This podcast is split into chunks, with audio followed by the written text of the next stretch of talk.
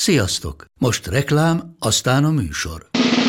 A műsor, valamint az élményekkel teli utazások, személyre szabott ajánlatok és állandó kedvezmények támogatója a Molmove hűségprogram.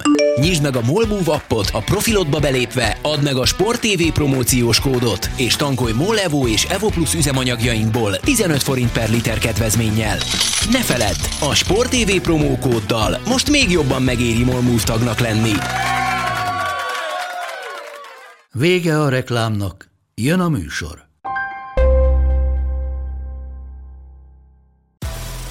Nekik mindegy, hogy Győr vagy Fradi, Veszprém vagy Szeged, Bajnokok Ligája vagy EHF Kupa.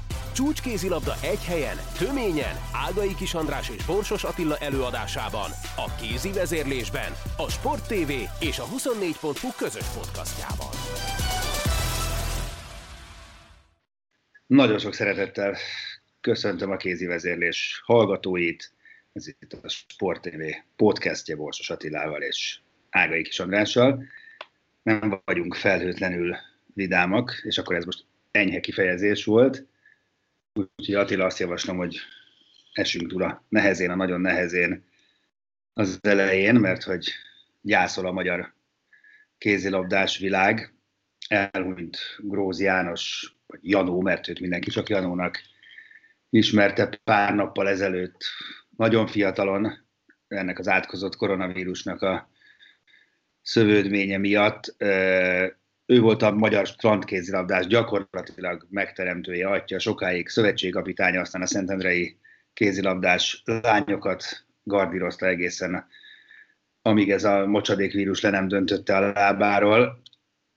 Én nem voltam vele nagyon szoros kapcsolatban, de rendszeresen találkoztunk egy nagyon jókedélyű, el, elhivatott, a vég, végletekig elhivatott kézilabda edző volt, de végül teljesen mindegy persze, hogy, hogy milyen edző. Ez felfoghatatlan, és ez tényleg felfoghatatlan, hogy ilyen, ilyen létezik sajnos. Nem tudok okosabbat mondani.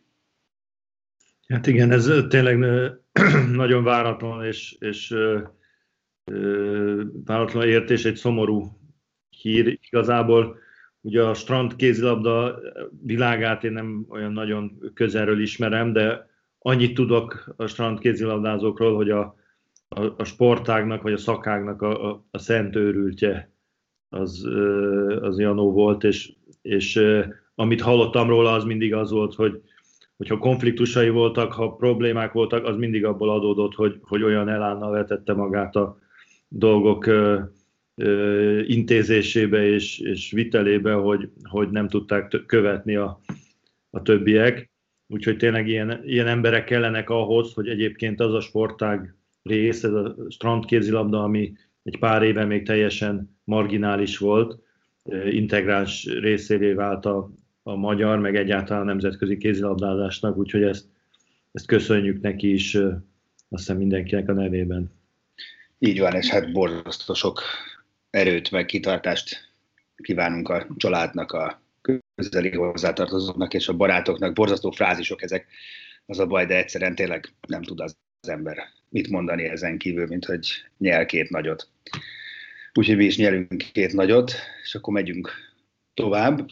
Legutóbb ugye sokat beszéltünk a Fradinak a nagyon váratlan és nagyon csúfos hazai vereségéről a Bietigheim ellen. Hát azóta lejátszották ennek a mérkőzésnek a visszavágóját, úgymond, és ez minden tekintetben visszavágó is lett, mert a Fradi felmost tapadott konkrétan a Bittigheimmel Németországban. Mondanám, hogy női kézilabda, de tényleg nem, mert egyébként már a férfiaknál is egy csomó ilyen e, előfordult, meg elő szokott fordulni, de azért ez mégiscsak hihetetlen, nem, hogy egy héten belül ekkora változás történjen, hát nem, nem tudom, megmagyarázható? Nem, hát ez, ez tényleg az a fajta történet, ami, ami, amitől szép a, a sport és a, a kézilabda ezen belül is, mert e, most, hogyha arra keresszük a választ, hogy, hogy jelenleg melyik a két csapat közül a jobb, akkor, akkor azért nehéz azt mondani, hogy a Ferencváros egyébként, hiszen hogyha megnézzük a négy félidőt, amit játszott a két csapat egymással, abban háromba jobb volt a, a Bittigheim, egybe viszont borzasztóan sokkal erősebb vagy jobban játszott a Fradi, és az elég volt arra, hogy a tegnapi mérkőzést megnyerjék. Tehát azért a kép pozitív most, mert ugye sikerült ezt a mérkőzést idegenben megnyerni, és ez borzasztóan fontos a, a Ferencváros számára a következő időszakot tekintve. De azért nem, hát én, hogy, így most, hogy úgy, úgy mondjam, nem vagyok megnyugodva attól a formától, amit azért a, a Fradi mutat. Tehát tényleg itt, itt volt egy, egy remek első 30 perc, ahol, ahol nagyon fegyelmezetten, nagyon pontosan játszottak, betartva azt, amit megbeszéltek, és remekül kihasználva azt a, azt a helyzetet, hogy a, az ellenfél valami elképesztően ö, fals rajtot vett. Tehát néztük ugye a félidei statisztikát, tíz lövést tudtak kapura lőni, abból ugye négyet megfogott Bíró Blankra, és így dobtak hat gólt, és azt hiszem 11 lövés ment a kapu mellé, vagy fölé, vagy alá. Nem. Teljesen fordítva ültek a lovon a németek, és, és ehhez jött nagy, hogy az hozta a nagy különbséget, hogy a Fradi meg teljesen jó irányba ült, és nagyon jó játszottak. Aztán a második fél időben, hogyha az eredményt nézzük, ugye 19 10 lett, vagy nem, nem annyi, 19-12 talán. Szóval a második félidőt azt jóval megnyerte a, a Bittigheim, Igaz, hogy a végén már nem is nagyon erőltette a Ferencvárosa, hogy nagyobb különbség legyen, bár azért gondolom, hogy, hogy szerették volna, hogyha ugyanannyi... 16, bocsáss meg, 15-6 volt a félidő a Fradinak, 19-11-re nyerte a Bittigheim Igen. Tehát azért azt alaposan megnyerték a németek. De hát egy mérkőzésnek ugye ilyen a, a anatómiája, hogyha az első fél időben 8-10 góllal vezetsz, akkor, akkor nyugodtan leadhatsz a másodikba belőle.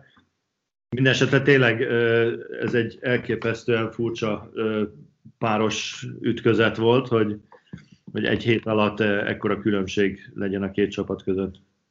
Bizonyám, és hogyha már ugye a Fradi jövőjét említetted, meg hogy milyen következtetéseket lehet ebből levonni, akkor azért ide tartozik az a hír is, bár egyelőre nem hír, hanem mondjuk nevezzük meg nem erősített, hivatalosan meg nem erősített szóbeszédnek, hogy Háfra Noémi és Sacla Nadin Győrben folytatja a pályafutását nyártól.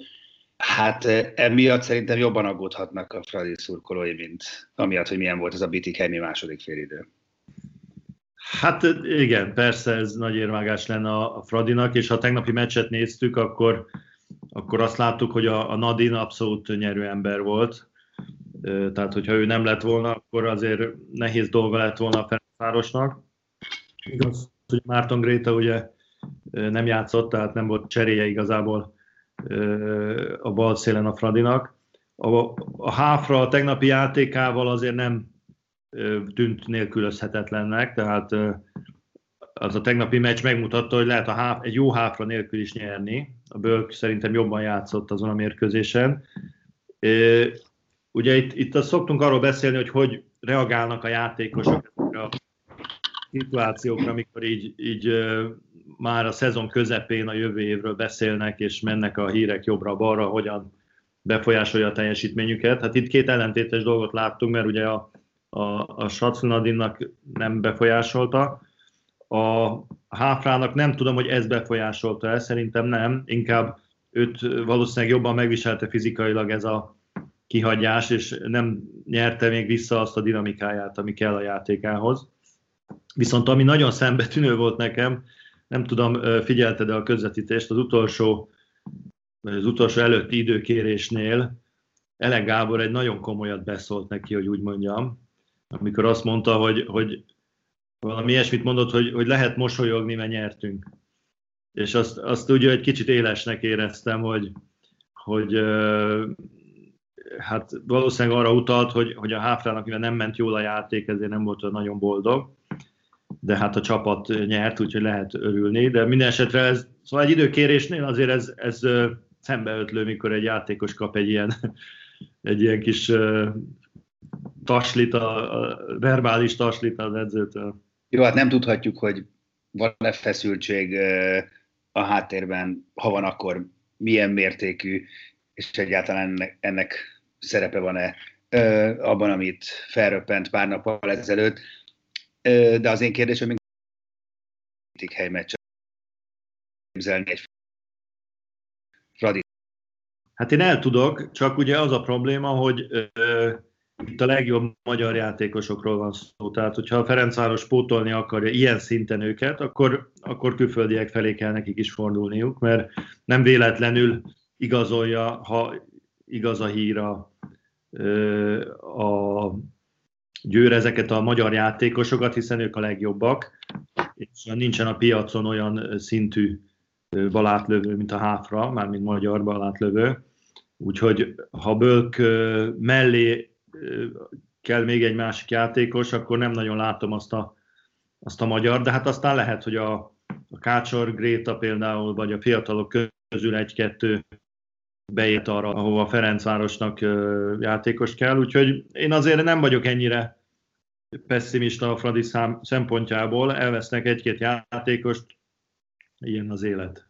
Ja, persze, abszolút nem. Most beszélgetünk, csak azért, eh, hogy mondjam, az elmúlt időszakban elég egyértelműen rájuk épült nagy részt, természetesen nem csak rájuk, nagy részt a Fradi játéka, meg hát ne vegyük készpénznek természetesen ezt a hírt, hiszen még senki nem erősítette meg.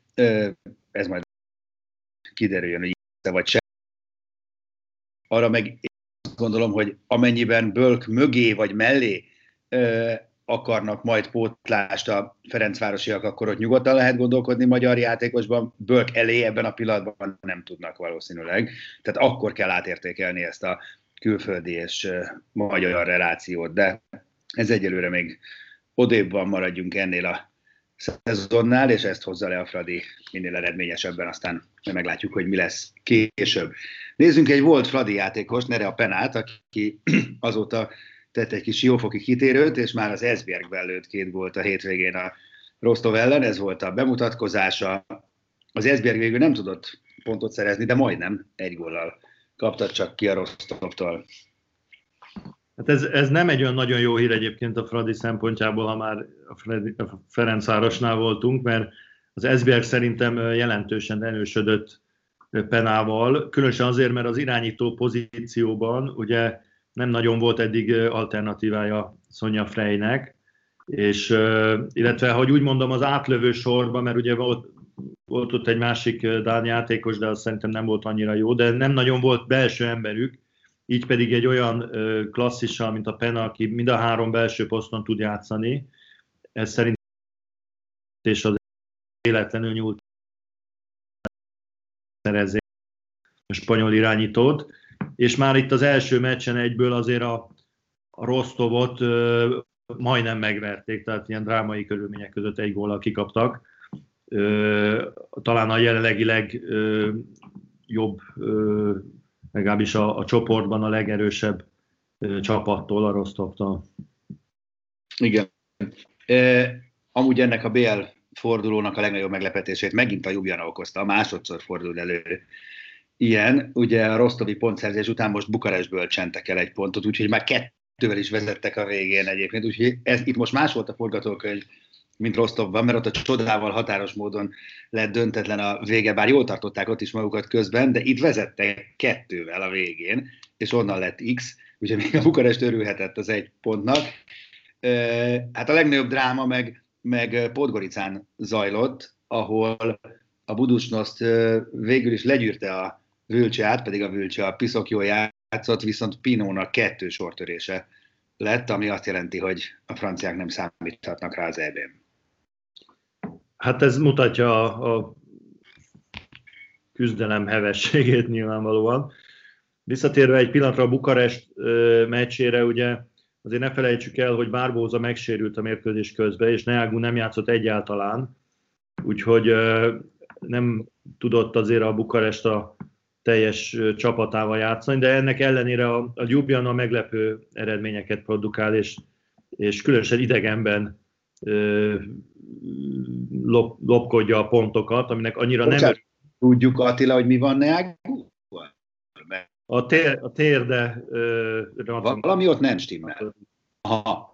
Tehát nem a koronavírus nem, maradványai, nem, nem, hanem akkor a... Meghúzta a térdét, és nem akarták kockáztatni a játékot. Mert, mert már a múlt hét, de nem tudom, emlékszel -e, hogy már a múlt héten is hát játszogatott, játszott. Hát valószínűleg sokat... ugyanaz volt a a probléma. Én ezt most ritkán mondunk ilyet, de a, a román bajnokcsapat bölcsességét látom. Ez rájuk nem jellemző. Nem hogy, bajnokcsapat, de igen, a Bukarest. Hát virtuális bajnokcsapat. Igen, igen. igen. Hiszen láttuk, hogy és, és ha kellett, ha nem játszották. Most pedig ö, okosan azért vigyáznak rá, mert, mert azért hosszú a szezon még, és jelenlegi szituáció megteheti a, a Bukarest, hogy mondjuk egy-egy pontot elveszt valahol. Úgyhogy a, minden esetre, hogyha a Barbózának súlyos a sérülése már, meg a hírek szerint az, akkor elég nagy bajban van, a, mert azért kezdenek a játékos. A másik mérkőzés ugye az a, melyik is volt? A, ja igen, a Válcsa azt, ott pedig egy igaz ilyen, ilyen rakkolós kézilabda volt, ugye mind a két csapat azért nem megy a szomszédba egy kis keménységért, és megküzdöttek egymással. A Velcsának nem nagyon a szerencséje. Több jó meccset játszottak már a szezonban, és még mindig nem tudtak meccset nyerni. De hát szerintem az ő továbbjutási esélyeik már e, kihunytak. Igen, ami még érdekessége volt magyar szempontból annak a meccsnek, hogy Asma El Gaui élete meccsét játszotta, eszméletlen formában kézilabdázott, és nem tudom, erről még nem beszélgettünk, de azért szerintem ez egy érdekes mellékzönge, hogy Asma El Gaui magyar állampolgár, és a bőkeret közelében sincs beállóként, úgyhogy mondjuk pont azon a poszton nem vagyunk rohadtul elkényeztetve, zseniális BL-ben edződő játékosokkal. Érdekes helyzet. Hát igen, ez, mondjuk az ő, ő, őt mikor beválogatták, akkor az volt érdekes, hogy, hogy, hogy került oda, mert akkor nem játszott olyan nagyon jól. Most viszont ez nem, Most nem az első mérkőzése, amikor parádésan játszik, hanem gyakorlatilag ilyen, ilyen 6-8 gólokat szór rendszeresen a, román csapatnál, úgyhogy tényleg kivirágzott ott a, a románoknál. Igazság szerint a beállós pozícióra azt mondanám a válogatottnál, hogy sok egyforma játék van. van, nincs tük igazán kiemelkedő, viszont legalább fiatalok a nagy részük, tehát két-három olyan beállós tehetség van, akik megoldhatják hosszú távon, de jelenleg valóban nem mondhatjuk azt, hogy van kiemelkedően jó beállósunk. Jó, hát más a koncepció, ezt tudomásul vesszük, csak úgy egy érdekességként mindenképpen érdemes volt megemlíteni, azt hiszem. No, sokat is elbéztünk itt az elmúlt időszakban, hogy most lesz, nem lesz, hol lesz. Nagyon úgy néz ki szerencsére, hogy lesz. Ugye bő két hét van a kezdésig, és a legfrissebb hírek azok, hogy lesz beugró város Trondheim helyett, de nem Norvégiában, hanem Dániában az is, vagyis uh, Herning uh, mellett még Kolding lesz majd a másik helyszín, ez a legfrissebb hír most, mert hát ugye ennyi csapathoz, ennyi meccshez kell két helyszín, és ugye együtt közvetítettük az Odense uh, CSKA Moszkva meccset a hétvégén, ahol arra lettünk figyelmesek, hogy voltak nézők a csarnokban, javarészt maszk nélküli nézők voltak, ami mondjuk roppant érdekes az európai vírus helyzetet figyelembe véve, viszont a kézilabda EB szempontjából ez egy bíztató hír. Hát nekem úgy tűnt, hogy ha most itt holnap kéne EB-t rendezni, már mint Dániába, akkor az simán meg lehetne rendezni. Ugye nem olyan ö, drákóiak a szabályok, mint Norvégiában, ahol, ahol a, a karantén procedúra az, az rendkívül szigorú, és nem adott felmentést rá a, a norvég kormány, tehát gyakorlatilag ellehetetlenítették a, a versenynek a megrendezését. Úgyhogy nem véletlen, hogy ma lesz elvileg a hivatalos bejelentés a Norvég Szövetség részéről, de kizártnak tartom, hogy ezt, ezt bevállalják, illetve az EHF belemenjen abba, hogy hogy egy ilyen drasztikus helyzet előálljon, hogy mondjuk van egy fertőzött egy mérkőzés után, és akkor mind a két csapatot hazaküldik, illetve nem haza, hanem a szállodába, a karanténba. Úgyhogy valószínű, hogy a dánok végül is, ha egy helyszínen vagy kettőn tudnák rendezni, akkor meg tudják hárman is valószínűleg. Nagy tapasztalatuk van a kézilabda világversenyek rendezésében, úgyhogy nem félek tőle, hogy ez nekik probléma lehet ez a beugrás. Viszont azért azt a szívesen ott ülnék azokon a anyagi kérdésekről szóló tárgyalásokon, ahol a Dán Szövetség elnöke, aki egyébként az EHF végrehajtó bizottságának a tagja, és a EHF-nek a vezérei azon izmoznak, hogy akkor mennyi pénzt fognak a EHF sajtolni a dánok számára, hogy ezt meg tudják rendezni. Mert ugye mindenkinek ez az érdeke, de legfőképpen az EHF-nek, tehát valószínűleg finanszír veszteségeket, amit okoz a Dán szövetségnek az, hogy nincsenek nézők. Jó, hát igen, nyugtával dicsérjük a napot, mondom, december 3 az EB kezdés, bő két hét, tényleg reméljük, hogy lesz EB, meg lassan lesz gondolom magyar keret is, szűkített keret, mert egyelőre még nincsen, az várat magára, pedig most már eléggé a célegyenesben vagyunk, úgyhogy kíváncsian várjuk, hogy a két Gábor mit szül majd meg. Na nézzük egy kicsit a férfi vonalat, most ott kevésbé zajlik az élet, de úgy eszembe jutott, hogy mekkora a csönd a, a Szegednek a Breszti e, balul sikerült útja utáni felzúdulást követően, de szép mondat volt. Szóval, hogy semmi nem történt. Az EHF hivatalosan tudomásom szerint nem reagált, pedig hát igen, ahogy Szűcsernyi Péter fogalmazott, vaskosan benne voltak abban, amiben ott szépen be, beletenyerelt a Pixeged. Hát az EHF a hallgatás taktikáját választotta, nem, nem reagálnak a dologra, várják, hogy előjön az ügy, aztán valahogy majd megoldódjon. Szerintem nem lesz folytatása a dolognak, aztán majd meglátjuk, hogy hogy tudnak a mérkőzések menni egymás után, hiszen most most megint problémája van ugye a Szegednek, de igazából az Elverumnak van komoly problémája, hiszen ezek az előbb említett norvég szabályok, ezek ugye nagyon nagyba sújtják a saját csapataikat. Tehát, hogyha az Elverum eljön mondjuk Szegedre játszani, és utána hazamegy, akkor karanténba kerülnek a játékosai tíz napra. Ö, illetve ha valaki oda megy játszani, azokat is karanténba teszik, tehát gyakorlatilag ö, szerintem a következő egy-két hónapban az Elverum, illetve a Christianstad a lányoknál ö, nem nagyon fog tudni Európa Kupa mérkőzést játszani. Kíváncsi vagyok, hogy ezt hogy fogják megoldani. De mindegy, hát- a következő meccs szerintem az, Elverum Szeged, az, az megint el lesz halasztva a BL-ben. Igen, hát ezt most nem fogjuk tudni megmondani, hogy a Szeged mikor játszik, csak, csak már, már látnánk, hogy a pályán vannak, mert, mert tényleg ez így borzasztó. Tehát őket rettenetesen megtépázta ezt az egész, és ilyen hullámokban jön a tépázás ráadásul, mint most Győrben, ugye, ahol csak ott valahogy mégiscsak sikerül, ott, ott meg ilyen szerencsésen jön a hullám, hogy beszéltük, hogy pont tudnak egy-két meccset játszani, aztán megint lesz egy-két fertőzött, ugye most négy, aztán megint ö, tudnak játszani, de hát a, a Szeged helyzet az pokoli. Az pokoli. Hát a Győr nagyon jól ö, szervezte, ugye ezt a Dortmund elleni két mérkőzést lejátszották a múlt héten, úgyhogy ezen a héten nem is kellett játszaniuk, a, amik karanténban voltak, és hát a, ha jól tudom, akkor kérvényezték a jövő heti mérkőzésnek az elhalasztását, mert a, a karanténból úgy fognak tudni kijönni, hogy nem tudnak edzeni, és az nem olyan nagyon jó. Aztán, hogy azt, azt nem tudom. De mivel a Győrnek ugye nem nagyon van elmaradt meccse, így azért szerintem meg fogják kapni azt a lehetőséget, hogy, hogy ezt a meccsüket elhalasszák. Egyébként most már néztem a, a menetrendet, már kezdik azért egy-két meccset programozni az elmaradtak közül, így hét közben fog játszani, már nem tudom melyik csapat.